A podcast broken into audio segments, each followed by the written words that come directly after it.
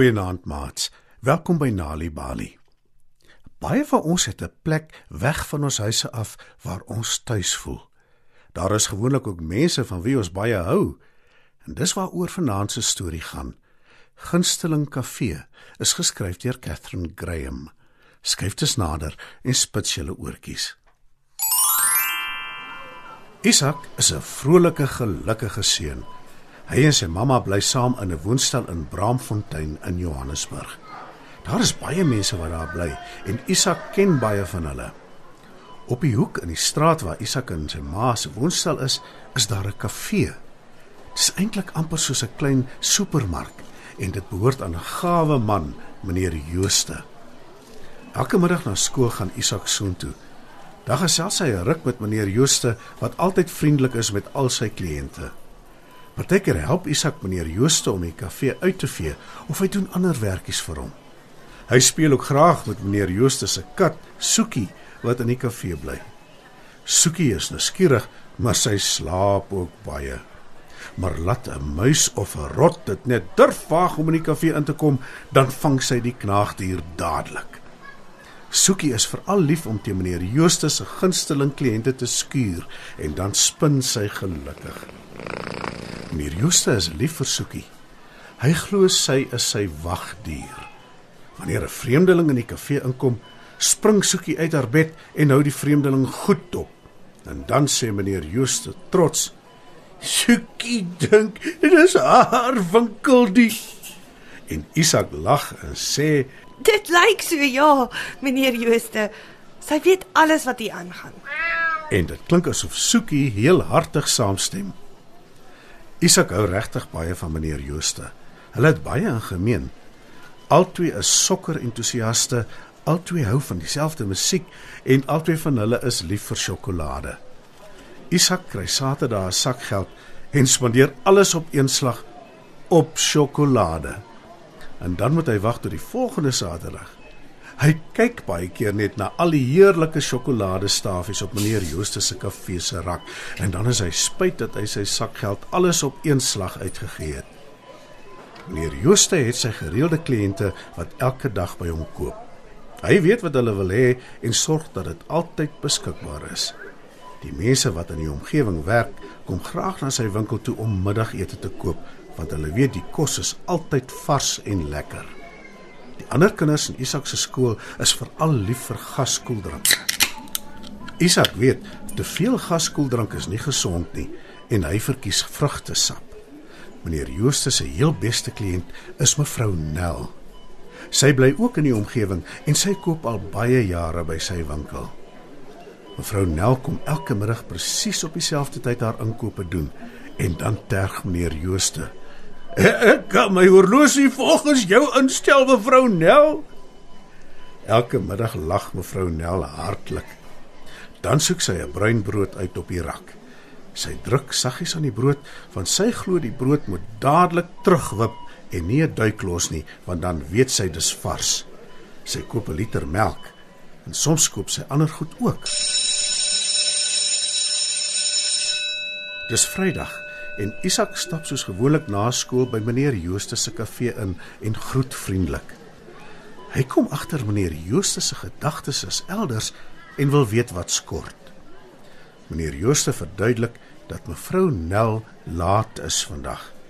Dit maak hom bekommerd want sy wyk nooit af van haar rotine nie. Maar net toe kom mevrou Nel vinnig en uit asem by die kafee ingedraf. En voordat meneer Jooste nog kan uitvra, verduidelik sy: My suster het gisteraand onverwags opgedaag.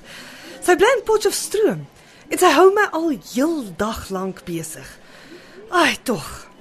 Mevrou Nel kies haar bruinbrood en kry 'n liter melk uit die yskas. Sy soek naastiglik na haar beursie in haar handsak, betaal en draf uit. Meneer Jooste kyk haar agterna en sê vir Isak: "Hoe sy is nie haarself nie." En Isak stem saam met hom. Skaars 'n halfuur nadat mevrou Jooste by die kafee was, is sy terug. Die slag nog meer uit asem. Ag tog meneer Jooste.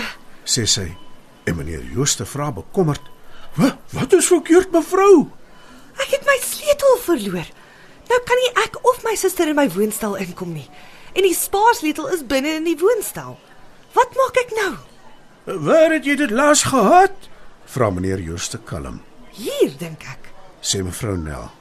Dit moes uit my handsakke val het, maar ek het niks agtergekom nie. Ek hoop nie iemand het dit opgetel en nie vir jou gesê nie.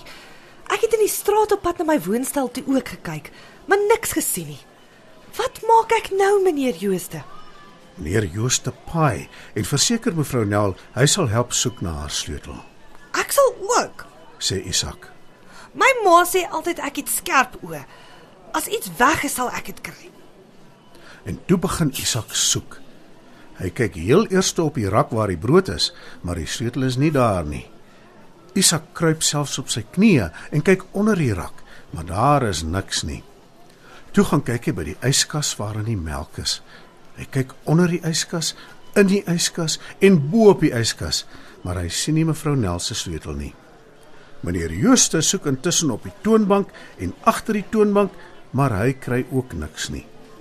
Isak wil net moedeloos raak en tou opgooi toe hy na Soekie kyk. Sy lê opgekrul in haar bed en slaap vas deur al die rumoer. Hy beskou haar bed van naderby en sien iets blink daarin. Dis so waar mevrou Nel se sleutel. En dis onder Soekie se poot, asof sy dit oppas. Ek het dit gekry, mevrou Nel. Roep Isak opgewonde en mevrou Nel en meneer Jooste kom nader. Isak haal die sleutel onder Soekie se poot uit en hou dit in die lug. Jou slim seun. Sê mevrou Nel en vat die sleutel by hom. Sy is skoon bewoe van verligting, Ek weet nie hoe om jou te bedank nie. Ek was in 'n toestand. sê sy. Toe maak sy haar handsak oop en haal 'n R20 noot uit. Sy hou dit uit na Isak. Hier, dis vir jou om dankie te sê. Isak skud sy kop en verseker haar dis nie nodig nie. Maar mevrou Nel dring aan en sê: Nee, vat dit. Jy het my baie moeite gespaar. Koop vir jou iets lekkers. Isak bedank mevrou Nel en meneer Jooste glimlag vir hom. Hy weet wat Isak gaan koop. En ja, Isak kies inderdaad vir hom sy gunsteling sjokoladestafie. Voordat hy die eerste hap vat, breek hy vir Soekie 'n stuk af en hou dit uit na haar. Maar die kat trek net haar neus op. Meneer Jooste lag en sê: "Katte eet nie sjokolade nie, Isak." Isak stop die stuk sjokolade in sy mond en sê: Meer vir my. Soekie meow en Isak en meneer Jooste glimlag vir mekaar. Daar gebeur altyd iets interessant in almal se gunsteling kafee. Wanneer kinders tuistories hoor, help dit hulle om beter leerders te word op skool. Vir meer stories om vir kinders voor te lees of vir stories wat kinders self kan lees, besoek ons by www.nalibali.mobi. Daar is heelwat stories in verskeie tale absoluut gratis beskikbaar. Daar is ook wenke oor hoe om stories vir kinders te lees en met hulle te deel sodat hulle hulle volle potensiaal kan ontwikkel. Nali Bali is ook op Facebook en daar is Nali Bali stories en aktiwiteite in bylaas van koerante. Story Power bring dit huis toe.